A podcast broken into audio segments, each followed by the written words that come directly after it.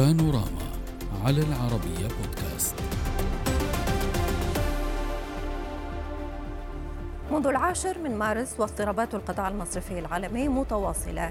البداية كانت من الولايات المتحدة مع انهيار بنكي سيليكون فالي وسيجنتشر ما يعتبر أكبر إفلاس بنكي يحدث منذ عام 2008 الرئيس الأمريكي جو بايدن تعهد بفعل كل ما يتطلبه الأمر لضمان سلامة النظام المصرفي ولطمأنة الناس أن أموالهم آمنة. في حين سعى المسؤولون في أوروبا واليابان وأستراليا وأماكن أخرى إلى تخفيف القلق. المفاجأة الثانية كانت مع الإعلان عن صفقة تاريخية قيمتها 3.25 مليار دولار باستحواذ بنك UBS الأكبر في سويسرا على كريدي سويس ثاني أكبر مصرف في البلاد لإنهاء أزمة الأخير وحماية النظام العالمي من موجات مد مماثلة تهدد النظام المصرفي العالمي. وبعد الإعلان عن الصفقة تعهد المجلس الاحتياطي الفيدرالي البنك المركزي الأمريكي والبنك المركزي الأوروبي وبنوك مركزية كبرى أخرى بتعزيز السيولة في السوق وبدعم المصارف. ويرى محللون أن كل ما يحدث من انهيار في البنوك هو على خلفية تغير عالمي أكبر بكثير وهو الارتفاع الحاد في الفائدة الأمريكية على الدولار خلال الشهور الماضية حيث كانت البنوك المركزية في جميع أنحاء العالم بما في ذلك الاحتياطي الفيدرالي الأمريكي وبنك إنجلترا ترفع أسعار الفائدة في محاولة لإبطاء الاقتصاد وتخفيف الضغط الذي يؤدي إلى ارتفاع الأسعار. لكن لكن هذه الأجواء أعادت إلى الواجهة المخاوف المرتبطة بالأزمة المالية العالمية لعام 2008 وسط تساؤلات عن مدى تأثير أزمة البنوك العالمية الراهنة على منطقة الشرق الأوسط. نناقش هذا الموضوع مع ضيوفنا من بيروت الدكتور جهاد الحكيم أستاذ التمويل الدولي بالجامعة الأمريكية. أهلا بك. ومن بيروت من أو من ميزوري نور الدين الحموري كبير استراتيجي الأسواق في سكويرد فاينانشال أهلا بكم ضيوفي الكرام. اسمحوا لي أن أبدأ مع الأستاذ نور الدين أستاذ نور الدين خليني أبدأ معك بآخر المخاوف وأكبرها. ربما البعض يخاف من إعادة سيناريو 2008 هل هذا وارد؟ الوضع مختلف كليا آه، عن ما حصل خلال عام 2008 سواء كان من القوانين وأيضا من ناحية حتى رؤوس أموال البنوك. الشيء الجيد الذي شهدناه والذي لمسناه خلال الأسابيع القليلة الماضية بأنه البنوك المركزية وأيضا الهيئات التنظيمية تحركت بشكل سريع جدا بمعنى ما شهدنا في آه، موضوع سيليكون فالي بانك اتخذ من الوقت حوالي تقريبا 48 آه، ساعة فقط لكي ينتهي الأمر أو على الأقل إيقاف البنك عن العمل ونحن نتحدث عن بنك آه، أو تم إغلاق البنك وهو لا زالت أصوله بال 200 آه، مليار دولار تقريبا بينما الخسارة التي تحدث عنها البنك كانت لا تتخطى المليارين وربع المليار آه، دولار فقط. أما بالنسبة لسيجنتشر وأيضا حتى كريدي سويس كذلك الأمر لم يتحمل الموضوع أكثر من حوالي تقريبا أيام فقط بينما خلال فترة الأزمة المالية العالمية كانت البنوك المركزية في حالة من ليس الحديث عن عدم الاكتراث بينما أخذت وقتها بشكل كبير جدا حتى شهدت انخفاض في الأصول ومن ثم تدخلت كانت هذه الأصول آه، آه، أو أسعار هذه الأصول آه، لا شيء بالمقابل أو بالمقارنة ما كانت عليه قبل قبل ذلك، لذلك لا أعتقد إنه مشابه جدا لما حصل في عام 2008 مختلف كليا. ولا ننسى إنه أيضا بدأ هذا الموضوع بموضوع الإشاعة. بأنه بنك SVB على على شفا الانهيار وحصل آه، ما حصل وما يعرف نعم. بال bank run أو بمعنى إنه الجميع ذهب لسحب الأموال وقد يحدث ذلك لأي بنك فيما لو شهدنا نفس الموضوع إنه آه، هناك إشاعات بأنه هذا البنك آه، منكشف أو نعم. لا يستطيع أن يتحمل سحب الأموال طيب دكتور جهاد هل تتفق مع ضيفي أو هل أنت متفائل نسبيا مثله بأن هناك عوامل مختلفة فالنتيجة ستكون مختلفة ربما لن نكون في إطار ما شاهدناه في 2008 أم لا؟ حتى وإن كانت العوامل مختلفة قد تكون النتيجة نفسها في هذا في هذا في هذه الحالة ومع هذه المتغيرات. شكرا للاستضافة. لا أريد أن أقارن بين أزمة 2008 وما يحدث اليوم لكن ما يحدث اليوم خطير جدا ولا ينبئ بشيء جيد. ما رأيناه من زواج قسري بين UBS وكريدي سويس وتغيير القوانين وعدم الرجوع إلى المساهمين وعدم الأخذ برأيهم وتحميل حملة ال CoCo bonds أو ما يعرف بالسندات القابلة للتحويل وتحميلهم الخسارة. هذه هذا أمر جديد جدا بالنسبة لنا وهذا سيؤثر على حركة رؤوس الأموال. فلا أعتقد أن من لديه الكثير من الأموال في الأسواق الناشئة والاقتصاديات الناشئة سيتشجع بعد اليوم بأن يرسل هذه الأموال آه، إلى آه، المصارف آه، في الغرب في كالمصارف في سويسرا لأنه فقط الغرب ولا أو المصارف في كل أنحاء العالم؟ غريب جدا. دكتور جهاد فقط نتخوف من بشكل عام هنالك بشكل عام هنالك إيه، بشكل عام هنالك بيئة غير مطمئنة ولا تشجع على أن على تحويل الأموال إلى المصارف في الخارج. وهنالك مخاوف عديدة آه، ولا يجب أن أن يخفى علينا أن بنك مثل كريدي سويس كان كانت قيمته حوالي 100 مليار في سنة 2007 قد انخفضت قيمته إلى 7 مليار يوم الجمعة الفائت من من يقول أنه ليس هنالك آه، مشكلة في القطاع المصرفي العالمي نعم. هو آه، يختبئ وراء إصبعه. هنالك مشكلة مشكلة كبيرة جدا ورفع الفوائد آه، آه، بشكل كبير وبهذه السرعة آه، قد كبد خسائر كبيرة لحملة السندات.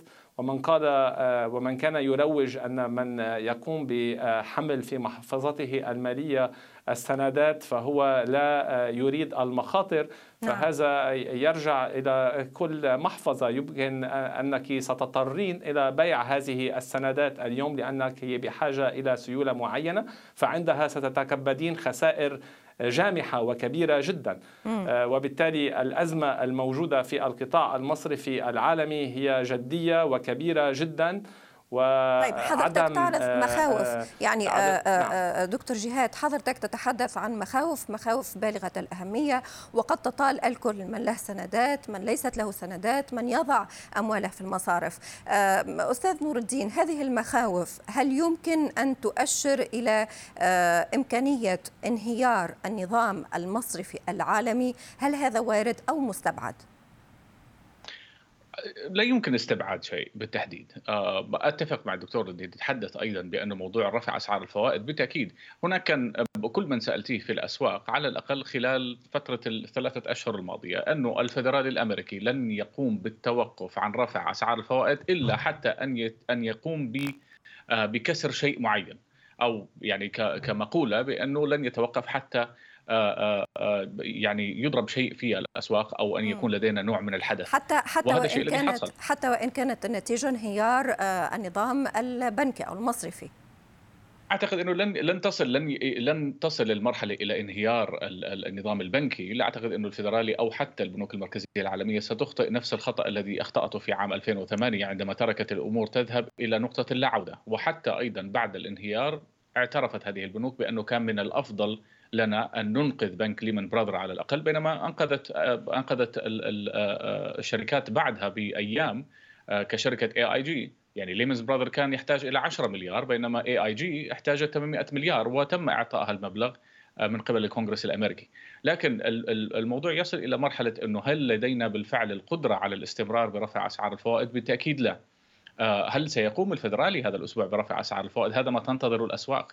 آه، بعتقد إنه من الممكن الفدرالي أن يفاجئ الأسواق من جديد برفع ربع النقطة، لكن سيتحدث بوضع متوازن بأنه علينا أن نأخذ آه، بعض الاحتياطات أو نعود لخطوه إلى الوراء لننتظر المزيد من ننتظر من المزيد من الأرقام. هل نحن على على أعتاب ركود؟ الركود أصبح في الوقت الحالي مطلوب أكثر من أي وقت آخر لسبب مهم جدا.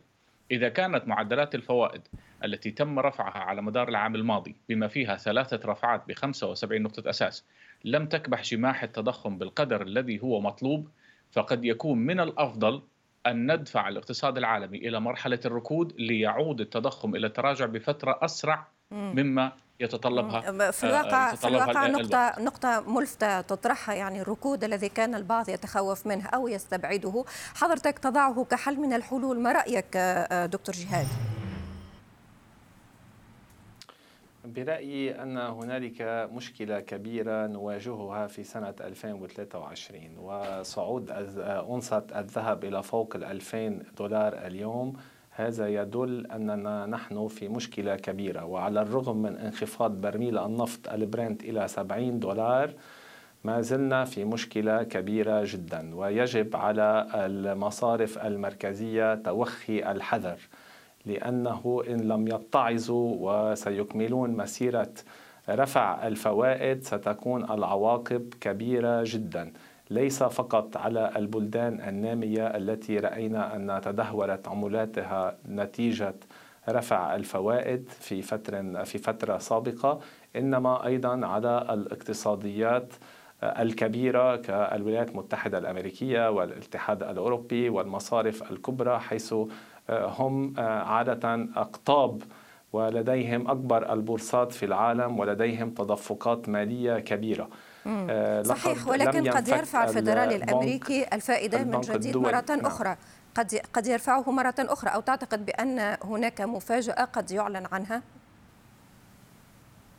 لا يتوقع أو تتوقع الأسواق أن يقوم برفع الفائدة بربع بالمئة. ولقد رأينا أن ال ECB أو البنك المركزي الأوروبي قد رفع الأسبوع الفائت الفائدة بنصف بالمئة. ولم يأخذ بعين الاعتبار أن آه، هنالك مشكلة كبيرة تواجه القطاع المصرفي آه، برمته. فبرأيي يجب توخي الحذر لأن آه، هذا ما يحدث في سنة 2023 هو جدي جدا. ورأينا أن البنك الدولي وصندوق النقد الدولي لم ينفكوا عن تخفيض توقعاتهم بالنسبة للنمو لسنة 2023 أكثر من مرة نعم. وهذا يدل أننا آه، نحن في على الرغم من انخفاض أسعار المواد الأولية بشكل كبير ورأينا أن التضخم الأساسي آه، ربما نعم. ليس هو مرتفعا جدا لكن لم يتم السيطرة عليه. لكن برأيي أن لا ليس هنالك من مبرر بالمضي قدما بهذه برفع الفوائد ونحن أمام هذه المخاطر. نعم. فلنعطي آه، بعض الوقت للأسواق لأن ما يعرف بال hard commodities وال soft commodities أي المواد الأولية قد انخفضت آه، أسعارها. ولا ولا يجب فقط التركيز على التضخم الأساسي أو الجوهري. فلنعطيه بعض الوقت لأن ارتفاع الفوائد هي مرتفعة عند مستويات تاريخية بالنسبة لآخر عقد من الزمن. فلنعطي بعض الوقت صحيح للأسواق لتستوعب ولكن في المقابل هذه الفوائد نعم, نعم. المرتفعة صحيح نعم. الوقت مهم جدا ولكن في مقابله هناك الخوف الخوف قد يدفع أصحاب آه، الأموال أو آه، من لهم سيولة في البنوك أن يسحبوها وهذا ما قد يعمق كذلك المشكلة. وهنا السؤال آه، أستاذ نور الدين هل القطاع البنكي آمن بالدرجة التي يجب الاحتفاظ بالسيولة داخل البنوك أم أن هناك هواجس هناك حذر ويجب سحب هذه الأموال آه، واستثمارها في أشياء أخرى خوفا من إفلاس عام؟ أعتقد أنها آمنة لسبب مهم جدا، كذلك الأمر بعد موضوع SVB تحديدا. آه، إن نظرتي حتى إلى شيء مهم جدا، البنك لم يخفي شيء، البنك هو الذي أعلن عن خسارته، البنك هو الذي قام وذكر بإعلان واضح وصريح اننا تكبدنا خسائر بالسندات بواقع حوالي المليارين، كذلك الأمر هو لم يشتري آه، أصول سيئة أو لم يقامر. هو بالنهاية اشترى سندات آه، حكومية أمريكية مدعومة آه، بغطاء حكومي. هذه من جهة، الجهة الأخرى موضوع أيضا إنه القطاع المصرفي آمن أم لا بعد هذه المشكلة التي حصلت في بنك اس في بي أعلنت أيضا مؤسسة التأمين على الودائع الفدراليه الأمريكية بأنه كل الودائع مضمونة ليس فقط ودائع ال 250 ألف دولار لأنه أيضا معظم الشعب الأمريكي لا يملك 250 ألف آه، دولار في آه، في في البنك. ولكن اليوم اليوم هي موجودة ولكن غدا ستكون موجودة وحضرتك تحدثت عن أن البنك لم يقامر ولكن تعلم آه، حضرتك بانه العميل لا يهمه إن كان قامر البنك أم لا إن كان أخطأ أم لا ما يهمه هو ودائعه موجودة. لهذا السبب تم إنقاذ البنك بهذه الفترة السريعة لأنه هناك وجود أصول تكفي بشكل كامل لتغطية هذه الأموال وانه البنك لم يكن هو بالفعل في وضع انسولفنسي أو بوضع بوضع إفلاس سوى انه كان لدينا ما يعرف بالكلاسيك بانك أو بمعنى الجميع في وقت واحد طلب آه، سحب آه، سحب الأموال. وهذا شيء أيضا خطير جدا حتى خلال الوضع الحالي آه، إن لديك مؤثر من المؤثرين على مواقع التواصل الاجتماعي لديه لنفرض جدلا لديه مليون متابع. ذكر بأنه ذهب إلى البنك اليوم ولم يستطع سحب مبلغ عشرة ألاف. من الممكن أن يؤدي هذه التغريدة أو هذا الحديث على أن يكون لدينا bank run على أحد البنوك وأن يتم نفس الموضوع كما شاهدنا مع S نعم. V أو غيره من البنوك.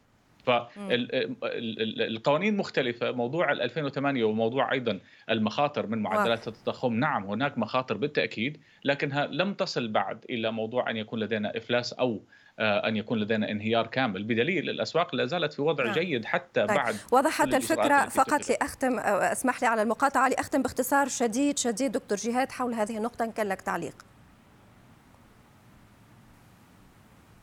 بالنسبة إلي آه، القول أن ليس هنالك من مسؤولية يتحملها المصارف المركزية والحكومات هذا آه، غير صحيح لأن السياسات الانفلاشية آه، في فترة جائحة كورونا وسياسة الفوائد المنخفضة جدا هي من دفعت الكثير من المصارف بأن لا تأخذ المخاطر المدروسة المطلوبة نعم. وهذه السياسة الانفلاشية هي من سببت بالتضخم وهي من دفعت بعض المصارف بأن لا تنوع مثلا محفظاتها المالية شكرا. كما يجب وأخذت مخاطر أكثر من اللازم وبالتالي المصارف اليوم هي في في آه، آه، وقت أو في ظرف حرج جدا ويجب توخي الحذر في سنة 2023 كي لا نأخذ الاقتصاد العالمي والقطاع المصرفي نعم. لمكان لا يحمد عقبه. طيب سنبقى في متابعة هذه التطورات وموقف الفدرالي الأمريكي كذلك من كل هذا. شكرا جزيلا لكما دكتور جهاد الحكايم وأستاذ التمويل الدولي بالجامعة الأمريكية في بيروت والأستاذ نور الدين الحموري كبير استراتيجية الأسواق في Squared Financial شكرا لكما. بانوراما على العربية بودكاست.